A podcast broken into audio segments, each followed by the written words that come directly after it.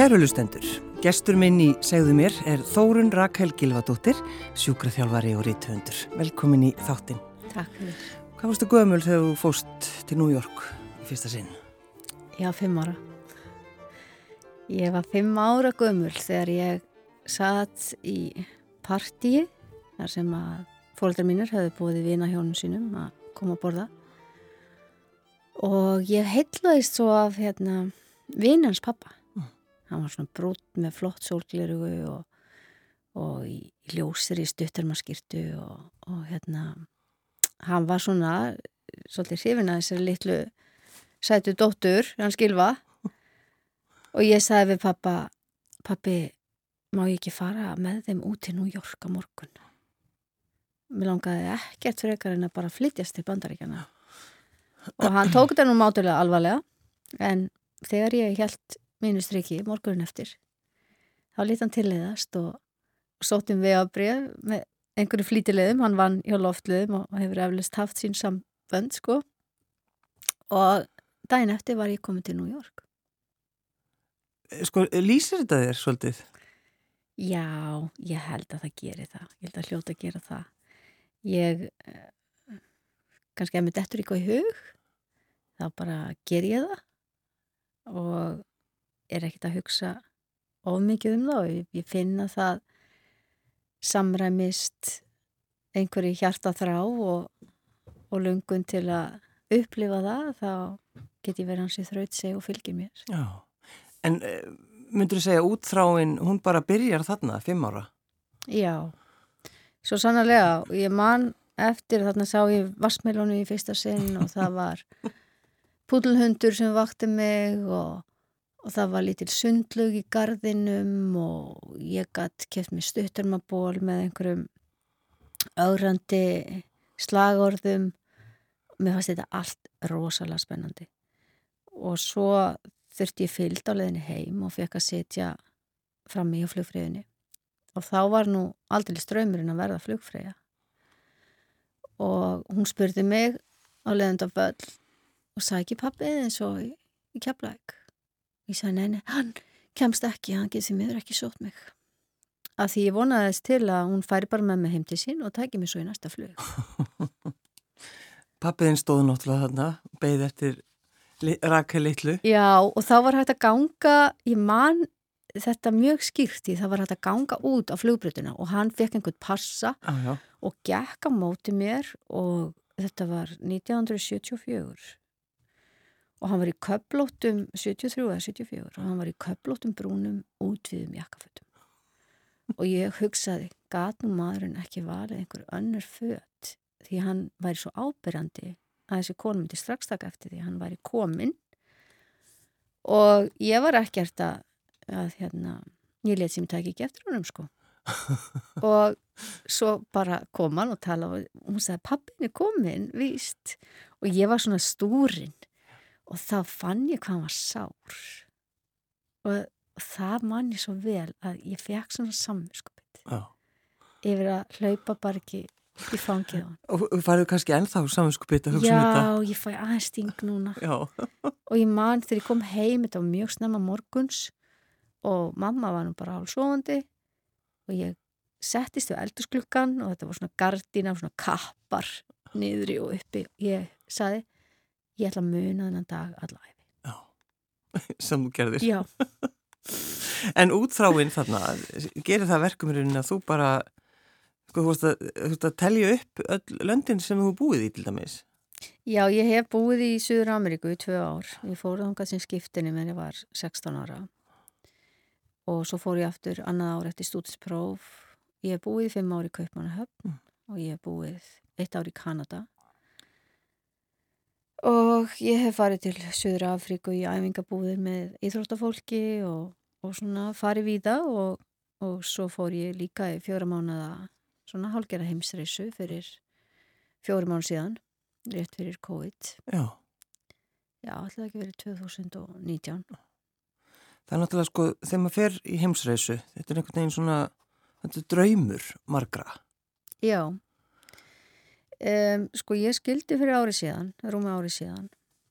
Já, það er einu og hálfu ári síðan má segja. Og maðurinn minn hann starfaði, fyrirvændi maðurinn minn starfaði hjá Matís og honum var sagt upp störfum. Og þar fengum við svona glugga til að fara. Ég held nú að við höfum, og við vissum bæði í hvað stemdi, en mig langaði virkilega að fara í þessa ferð og fara með börnin mín í svona heimsreysu og leiða maður að sjá heiminn og kannski var þetta einhver lit bara hvað í ferðin okkar. Já. Ég held ég hafi nú bara vitað það allan tíman. En, en maðurinn fyrir röndi, vissi hann það líka? Já, hann vissi það öruglega. Við vorum að þráast við. En þetta var enga síður góð ferð. Mm. Þegar þú ert á ferðalagi þá þarf þér bara að linda við þann sem þú ferðast með. Þú skellir ekki til hörðum og fær tekur næstu rút eitthvað annar svoleiðis. eiginlega gengur ekki. Þannig að þú verður bara að setja strákðinum og, og hérna og það gekk vel sko. En þetta vofði yfir. Já, já. Þannig að þegar þið komið heim úr heimsreisunni þá, þá bara bankar veruleikin upp á? Já, svona hægt og sígandi sko, Já. gera það. Já, og hafi gert í lengi, lengi kannski. Var þetta erfitt? Gangi gegnum þetta? Já, og ég, þetta var erfitt og mér finnst þetta eiga að vera erfitt. Og ég hef sagt það áður að mér fannst ég vera að e, lútilagra haldi fyrir kærleikanum. Mm. Því að mig langaði virkilega til að geta elska manni minn. En svo bara eru aðstæður þannig að þú, þar eru ekki, við vorum góð saman á hátíðinni. En við kunnum ekki að vera saman á látíðinni Nei, einmitt.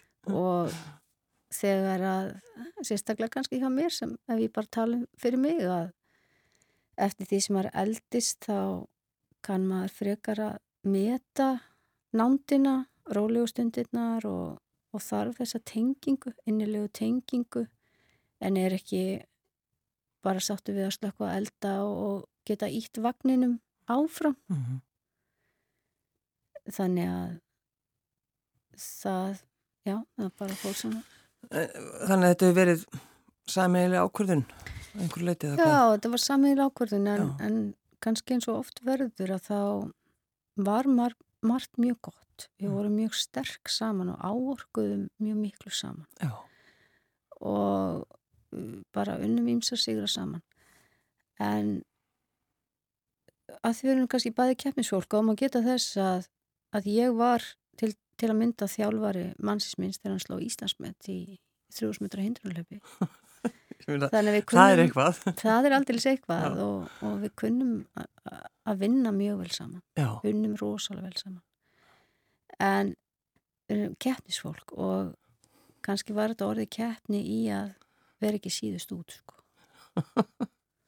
En að lokum bara, já má segja það að ég hafi tekið loka-loka ákvörðinu, þetta var sammeil ákvörðinu. já, já.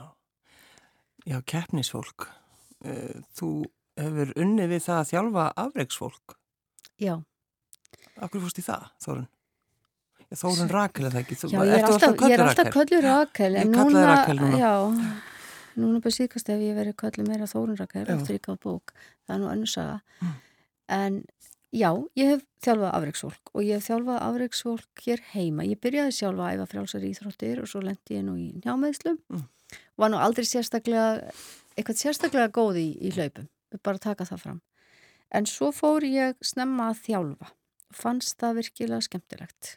Þjálfaði börn og unglinga í Hafnarfyrði, hef þjálfað börn og unglinga vestur í bæ, en í milli tíðinni þá þjálfaði ég afreiksfólk hér heima og náði ágætis árangri með þau. Mm. Svo fluttu við sveit til Kaupmannahafnar árið 2002, byggum þar í fimm ár og þar bauðs mér starf við að þjálfa afreiksfólk bara á, já, nokkur, eh, svona tvær, þrjár stúlkur sem voru eh, á heimsmæli hverða, má segja, eða einn þeirra var mjög skamt frá því að komast ólimpíuleika. Já, en hve- hvernig eh, þjálfa maður afreiksfólk?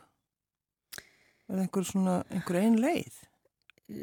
Sko þetta er náttúrulega samspil sálar og líkama og þú þarft að kunna að hvetja og, og kunna að kalla það basta fram í manneskjunni. Það er nú kannski grundvöllurinn. En svo þarftu auðvitað að kunna lífeylisfræði og, og uh, sálfræði. Mm. og þetta er rosalega skemmtilegt. Það er rosalega skemmtilegt að, að hafa áhrif á það að manneskja sem vilji ná langt, sem vilji hámarka getur sína andlega og líkamlega návi að bæta hana og bæta og bæta og þá þarf maður að vera afskaplega næmur líka á einstaklingin og mér finnst sérstaklega skemmtilegt að sjá þegar að það myndast eitthvað flæði í hlaupastíl og, og þú, þú ferðast betur með sjálfum þér ég veit ekki hvernig ég á að segja það en það, það stundum bara smellur eitthvað Já. og það er alveg já, unun að horfa á það sko. En erst þú sjálf uh, eitthvað að hlaupa? Eða voru meðslinn þannig að Ný, ég hlaupa ekki mikið, ég var hlaupið eitt marathónhlaup, hljóp nú í New York einmitt, marathónhlaup 2006 með ágætis, á, ágætis svona hvað sé að ágætis árangri fyrir konu á 50 aldri sko þá. En ég var 39 ára. Ég, já, ég hljóf New York marathónið á milli yngri barna minna. Ég, hún var einsás eh, dóttir mín, mm. svo var ég ólita af sinni mín um tvei mánuðum setna en ég svona bara stundar líkamsrætt mér til heilsubótar. Já. Þú ert líka að kenna í skóla Hvað Já, er að gera? ég tók um, sko ég er sjúkraþjálfari að ment og svo tók ég nú reyndar mastersprófi viðskiptafræði þannig á milli sem ég veit ekki hvernig var hvernig mér dætti ég að gera. Það er nú önnur saga, en, en önnur sagan en svo tók ég uppbyldur og kennslufræði því að mér finnst svo skemmtilegt að kenna. Mér finnst svo skemmtilegt að vera meðal unglinga. Og ég hafði mest gaman á að kenna stærðfræði og hef kent stærðfræði. En svo vantaði dönsku kennar í hagaskóla eftir ég tók þessu uppbyldskænslefræði fór að kenna dönsku. Og núna kenni ég tvo tíma á viku uh, skapandi skrif í hagaskóla það er ósköp lítil kennsla en, en skemmtileg og það tengist nú þessu nýja hugðarefni mínu rítstörfum mm. Sko, ska, að kenna skapandi skrif er þetta ekki bara alveg ótrúlega skemmtilegt Jú, það er skemmtilegt og ég um, ég vil nú meina það að íslensku nám þurfi að byggjast meira á tjáningu í, í ræðuríti mm. og við höfum þessa sterku sagnahefð að segja sögur, skrifa sögur. Og mér finnst þú ættum að leggja meiri áherslu á það í grunnskólum, mentarskólum og, og hérna gefa börnum hvað ég segja íta eh, undir þessa löngun til að tjá sig. Þannig að við séum ekki að segja hvað er rétt og ránt í tjáning á íslensku heldur að gefa þeim orð. Og er svo mikilvægt að börn læri tungumáli vel og sem, þeim sem gefi frelsi í tjáningu. Mm. og Já og þess vegna kannski líka, ég veit ekki hvort ég koma strax inn á það en ég skrifaði sem sagt bók fyrir tveimur árum síðan sem er að koma út núna sem heitir Akami og Annika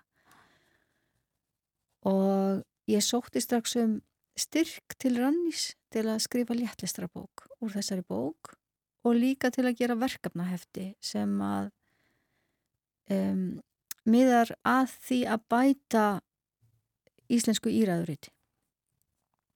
Og ég eða mér langar svo að Íslandingar leggja sér fram við að rétta þetta tungumál að þeim sem að e, koma til landsins og líka að þeim sem að hafa kannski takmarka málskilning, börnum og þess vegna er ég að skrifa ekki bara þess vegna er ég að skrifa en þess vegna skrifa ég þessa léttlistrabók mm. við þurfum að fara nýra á nýjan og segja, heyrðu, ef þú skilur mig ekki núna, þá skal ég bara orða þetta öðruvísi. Og mig langar svo að smita börn og unglinga um, af þeim æfintir að heimi sem að íslenskan er. Mér finnst þau þurfa að upphefja íslenskuna. En ekki setja hann í boks heldur segja, segja sjáðu þennan fjársjóð. Þú getur tjáð allar þína tilfinningar með þessum orðum sem við eigum. Þú þarft ekki að grýpa til ennskunar En það er líka einmitt að, sko, að börn uh, sé með það mikið sjálfströst í tungumálunu einmitt til þess að tjási, til þess að komi að koma skilabúðum áleiðis og bara hvernig, hvernig þeim líður.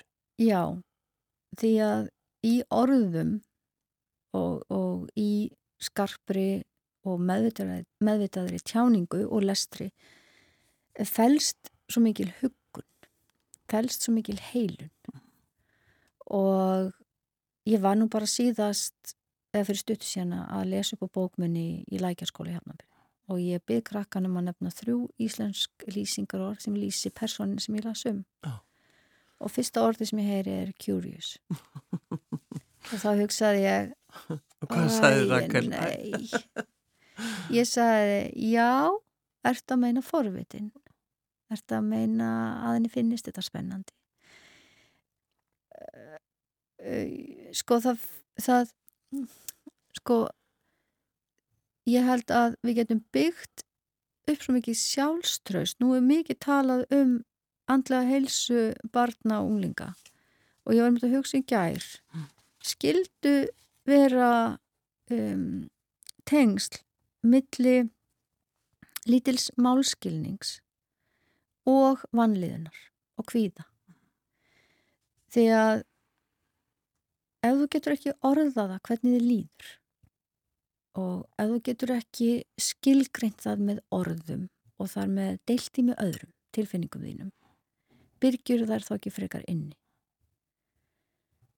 Og kannski líka reynlega þegar þú talar við sjálfa þig innra með þér við því við tölum öll við okkur sjálf að því meira sem þú læst því meira frelsi sem þér er gefið til að tjá þig á þínu móðurmáli ég vil meina að því betur gætið þið liði, allavega gætur betur sagt frá því hvernig þið líður og getur þá frekar fengið aðstóð og samtal sem er oft heilandi. Og sko sjálf stunda ég núna nám í reytlist og ég byrjaði eða hóf þetta nám um, e, eftir ég var skilin eða í þann mynd sem ég var að skilja. Og ég hef reynt þá einn skinni hvað það er mikil huggun í orðin í bókmyndum og ég er bara að nota tækifærið og, og rósa eh, Rúnari Helga Vignisinni fyrir frábæra skipilegningu og umsjónu þessu námi og öllum þeim kennurum sem þar starfa því að sko maður gengur það inn í árnagarð maður gengur inn í hóf íslenskra tungu og þar getur bæði greint orð, greint sögur getur sokkið eh, eh, svona gefiði öðrum heimum á vald. Og svo getur búið til þína heima með skrifum. Og ég hef svona í framhaldinu sko veldi fyrir mér hvort að Ísland eða ég vil bara Reykjavík borg eða hvort maður vildi ræða það og ég hef heyrt að fleiri hafa verið svona spáið það sama. Ættum við ekki að eiga lestrar hóf því að í amstir dagsins þá langar fólk að lesa meira. Svo kemur þau heim það er kvikt á sjónvarpinu og þú þarf að fara elda eða gera eitthvað. Setja upp karteblur og það er áreiti allt þetta, en þegar Rakel, þú ferði í rýtlistina vaknar þá hugmyndin að bókinniðinni? Nei Ég var búin að skrifa þessa bók. Ég var búin að skrifa þetta handrit og ég var búin að hafa samband við fórlæðið angustúru og þær voru búin að svara því að þær vildi gefa þetta þessa bók út. Hvað heitir hún? Hún heitir Akam, ég og Annika. Og fjallar um hvað? Hún fjallar um 14 ára gamla stelpu sem heitir Hrafnildur og flytur til Þýskalands á samt móður sinni í stjúpföður og týpurasýstrum og þarf að takast á við nýjan veruleika og nýjar áskoranir. Hún þarf að skilja pappa sinni eftir heima, hún er mikil pappastelpa. Mm. og finnst það sárt og, og erfitt og er upp á kant við mömmu sína. Það er erfið samskipti þeirra á milli. En svo kynnist hún Akam sem er flóttadrengur frá Kurtistan og svo kynnist hún Annigur sem er svona pönguð þýsk stelpa sem bæði ráða góð og augrandi og vilar ekkit fyrir sér. Þannig að hún í staðin fyrir að vera innan síns þægindaramma með því fólki sem hún er vöna umgangast á Íslandi þá þarf hún að e, vika út sjóndildarhingin og, og kemst kannski að því að hennar líf er ekki sérlega flóki með að við líf annara og þá þarf hún að taka afstöðu með já með því hvort að hún eigi að láta til sín taka og sína kærleika í verki eða snúa sér bara sínu einfalda hverstagslega lífis og hugsa um sig og sína. Mér finnst við oft standa fram með fyrir þessu í daglegu lífi. Við getum alltaf sannfært okkur sjálf um að við eigum nóg með okkur sjálf Já, þetta er setning sem kemur ofta upp. Já, já nú nóg með mig og mína Já. eða hlúi nú vel að fjölskyldum ykkar og vinum en sko frammi fyrir þeim áskorum sem að heimurinn stendur í dag þá held ég að manneskjan þurfi einmitt að hugsa um það hvað hún gefi þeim sem hún þekkir ekki Mm. sko eins og í mínu tilviki þá á ég þrjú börn og þau að búa við gott allæti auðvitað þurfa þau ofta á mér að halda. En ég held að margir aðrir þurfi bara meira á mér að halda. Og ég reyni kannski of oft að lifa eftir því. Þegar þú varst í Þýskalandi mm -hmm. sjálf, Rakel, ung 16 ára, varst ekki pair og eitthvað svoleiðis? Jú, ég fór eitt sumar og vann svona garðirkjustur og, og við batnabössun Já. Er það ástæðan fyrir því að, að bókin gerist í, í Þýskalandi? Nei, eh, sko sögur frá þeirri dvöl blandast og mín reynsla þaðan blandast inn í, inn í bókina en kveikjana þessari bók hún sprettur annar staðar frá Eh, bróðir minn býr í Þýskalandi og fjölskylda hans öll bjóð þar um tíma og þegar að mákona mín uh, og þau sögðu mér frá atviki sem að dóttir þeirra hefði lendi í þá bara vissi ég á þeirri stundu að ég myndi skrifa þessa skáldsögu. Mm. því að þetta var þessi frásög fekk svo mikið á mig. Eða haf, haf, þetta var ekki ræðileg frásög, þetta var ekki frá ræðilegum atbyrði en mér fannst þetta svo merkilegur atbyrður að ég stóði frá hérna, bóstofaborinu heimi hjá mér og ég sagði, ég ætla að skrifa um þetta skáldsögu og þetta var bara eins og ég seg, hefði sagt ansið gott veðri úti Já, skrepp í búðina. ætla að skrifa þetta En, en hva, hvaða, hvaða frásögn, hvað var sem, hvað var það sem gerðist? Sko þau sögðu mig frá því að, að Hólfríði dóttir þeirra hefði lendi í því að þau þurfa að verja aðra stelpu sem að væri lögð í einelti Mm. og það hefði komið til handalögmála innan skólans og í kjölfarið hefði hún verið kölluð inn á fund þar sem stæði til að reka hana úr skóla og hún hefði þurft að verja sig. Þetta var litla sagan Mm.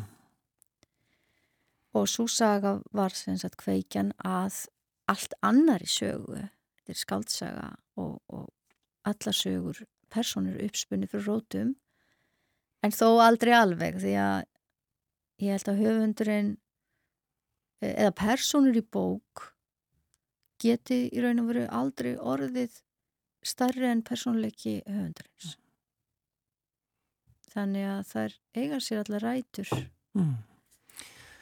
hjá mér Já, þú uh, viltist nú í skóginum í, í Þýskalandi? Já, það er svona kannski atviki bókinni sem að eh, eiga sér skýrskotin í mitt eigið líf. Já. Ég var 16 ára þegar ég fór til Þýskalands. Það var nú ein, enn einn útþráin. Og þá hljóp ég mikið og svona eftir vinnudaginn þá hljóp ég ofta á, til rót á frjálsveitavöll og í eitt skipti þá nefndi ég nú ekki að hlaupa þessa venjulegu leið heldur tók bara skóarleiðina, skóarstík og vissi ekki fyrir en ég var búin að hlaupa einhverja nýju kílometra ramvilt í einhverjum skói og kem þá að svona yðnaðarsvæði og skrifstofubyggingum og séð þar jakkafatta jakkafattaklæta mann ganga út og ég segi bara Entschuldigin, Entschuldigung können Sie bitte mér sagan. Eitthvað hvar þessi bær er. Buchenbach. Hann saði elsku vina þú ert tíu kílometrum frá þeim bæ. Varstu þá bara búin að hlaupa og hlaupa í tíu kílometra? já já, ég ætlaði að hlaupa þessa 2,5 kílometrar á sanna völd hann sagði ég skal bara skuttla þér skottinu bíl til minn Já. og það eina sem ég hafði lofa pappa var að fara aldrei upp í bíl hjá okkur manni Nei, nei. en ég átti yngra kosta völ Hugsaður það? Var eitthvað svona, já, já, ekki gera þetta? ég er búin að lofa pappisu en ég treysti þessu manni Mm.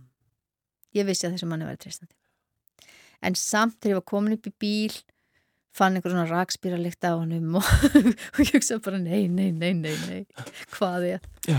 og hugsaði bara hvernig get ég skuttla mér út á ferð ég tek hérna í og skuttla mér út á ferð.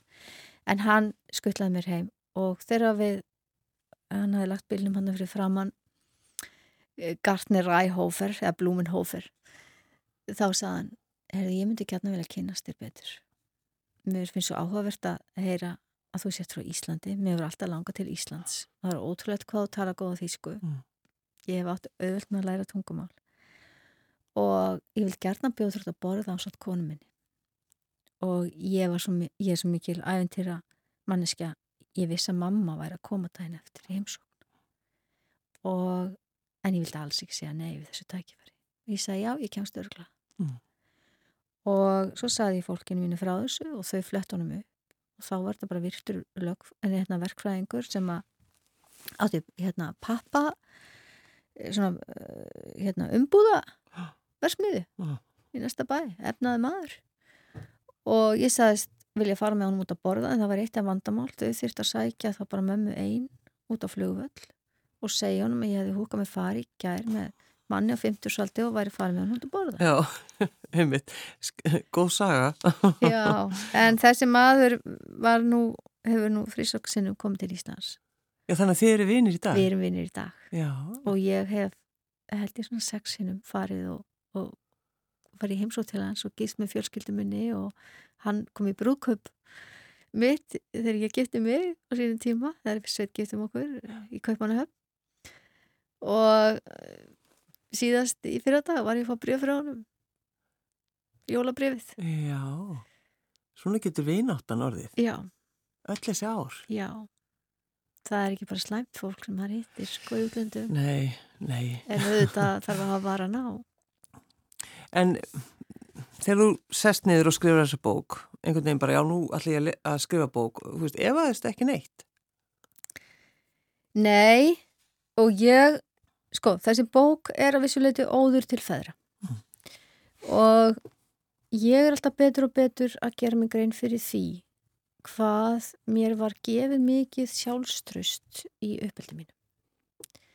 Um, ég fæðist, sko, ég, þr- ég er nummið þrjú í rauðsískina og mamma og pappi voru 17 ára og 19 ára, þeir áttu eldri sískinu mín Já. og þurftu að leggja sína drauma á hilluna og, og, og hérna, slítu samvistum einhver tíman í ár og, og allt það tók Mm. saman aftur og svo fæðist ég. Já. Þannig ég var svolítið dekurbatt má segja. En þau höfðu alltaf einhvern veginn óbyrjandi trú á mér og, og sérstaklega kannski pappi minn sem var mjög framsitt maður og mjög skapandi maður og þetta mamma líka. En ég held að skipti stúlkur, eða það skipti það skipti mig allavega, afskaplega miklu máli að fá þessa kvartningu. Pappi einhvern veginn sagði, þú getur allt sem þú vilt. Mhm. Og mér var alltaf treyst. Já, ég treysti þér til að fara til New York. Nú viltu fara til skipt, skiptinu mig til Ekvator. Já, ég treysti þér. Já. Ég treysti þér til að koma heim þegar þér finnst þú þurfa að koma heim á kvöldin. Og Og var það alveg bara þannig? Já, það var eiginlega bara það. Mm. Ég hef aldrei bræðið áfengi. E, Pappi minn var alkoholisti. Afskaplega hlýr maður. og ég held að þessi kvartning kristallist kannski í því að mér finnst ég geta bara alveg skrifa bók ég settist niður áður en ég byrjaði réttistanáminu og sagði nú ætla ég að skrifa skáldsjó og svo bara skrifaði ég og skrifaði og skrifaði. Og leiti bara aldrei tilbaka og var fullvis um að ég geti klárað þessu sög Og svo er bókin tilnæmt til íslensku bókmyndaveluna, já. já. Ég var einmitt að koma af þeirri tilnæmningu gær. Og auðvitað hugsa maður með mikill hlýju til fóreldrar sinna þegar þau eru bæði látin. En sko mamma var mikil íslensku manneskja og hún fekk nú tvenn velun fyrir sína smásögur. Og á þessum tíma var maður svo mikið heima hjá fóreldrum sínum, hún var heimavinnandi. Og ég er ofta að hugsa hversu láns sem ég var að hafa alist upp hjá mömmu sem talaði mikið við mig. Já. það var alltaf stilt á rás eitt. Og það far mig á bókasafni í viku hverri og, og svona sett nú skaltu lýsa þessa eða nú kom að því að þú farir að, að hætta í bandabókanum Já, ferðu á næstu hillu. Já, þannig að það var þetta þakklæti. Og ég get sagt frá því kannski að, að því ég verið að hugsa svo mikið um það þennan sólarhing sko ég spurt þurft að spyrja mig svolítið, byrju, er ég þessi kona sem er búin að gefa út bók. Ég var að fá tilnefningu til íslensku bókmentaveluna og ég er samt bara ennþá einhver sjúkraðþjálfari út í bæ. Já. en þá um, þegar ég fekk þessar hringingu eftir ég fekk þessar hringingu það var er ekki þriðdægin sem að snjóaði svo mikið. Þá stóð ég heima og hugsaði vá, já. Og ég hef vissulega lagt virkilega mikla vinnu í þessa bók með hjálp annara angústúru, forlagsins minns og fleiri. Bara, fólk hefur varðað þessa leið með mér. Ég, því að var þakklátt en þá heldist yfir mig líka einhver brjálu tómleika tilfinning Mér fannst erfitt að geta ekki hringt í mömmu. Er mamma, mamma, mamma. Að því að hérna stolt foreldra, það jafnast ekkit á við stolt foreldra. Þessa sönnu gleði, samgleði. Og ég hugsaði, byrju á ég að fara að hjóla hérna, þetta með leiðist mjög mikið að keira á bíl ætti ég að hjóla upp á Garðakirkju og leggjast á leiðans Já. pappa Já, segja hann um þetta segja honum þetta og svo auðvitað saknaði ég þess að eiga ekki þann sálufélaga sem þó maðurinn minn var oft. Ég saknaði hans ekki beinlinis en ég saknaði þess að geta ekki á þessari stundu falið mig í faðmi sem að passaði hérna þessum þessari feimnu litlu stelpu sem ég all, allt í henni varð. Og mér fann svolítið merkilegt að upplifa þetta. Já, það voru, í, sko ég gekk út ég var bara gangi vinnuna til skjólstæðings míns og það snjóaði það voru jólaljós í öllum glukkum og ég mátti engum segja að ég hefði verið tilnemt og ég sagði nei, hvernig á ég bara geta borið þetta einn? Já. Og bara, varstu kannski bara svolítið einmanna?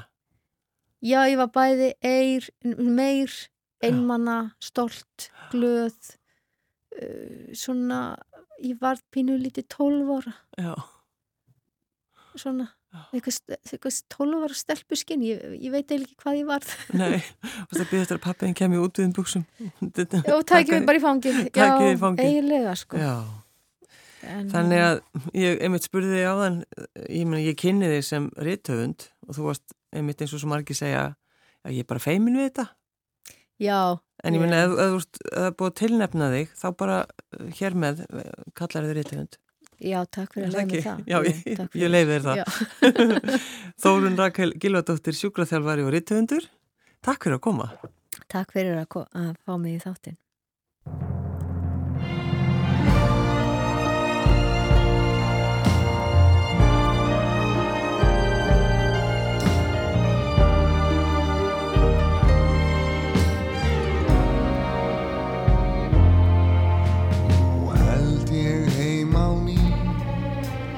Þó heldur sé hann kaldur og þú bæti bilinn í og býti frostið kinnar mér sem galdur.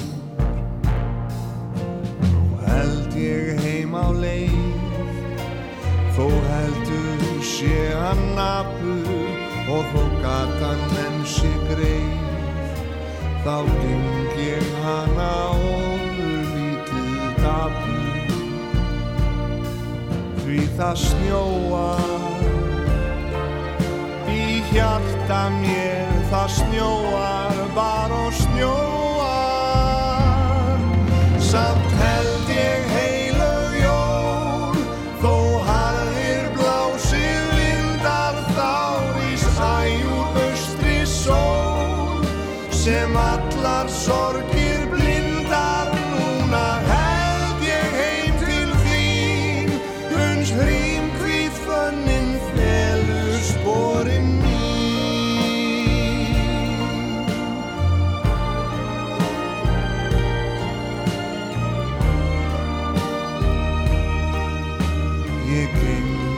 hjarnið ofur lítið dapur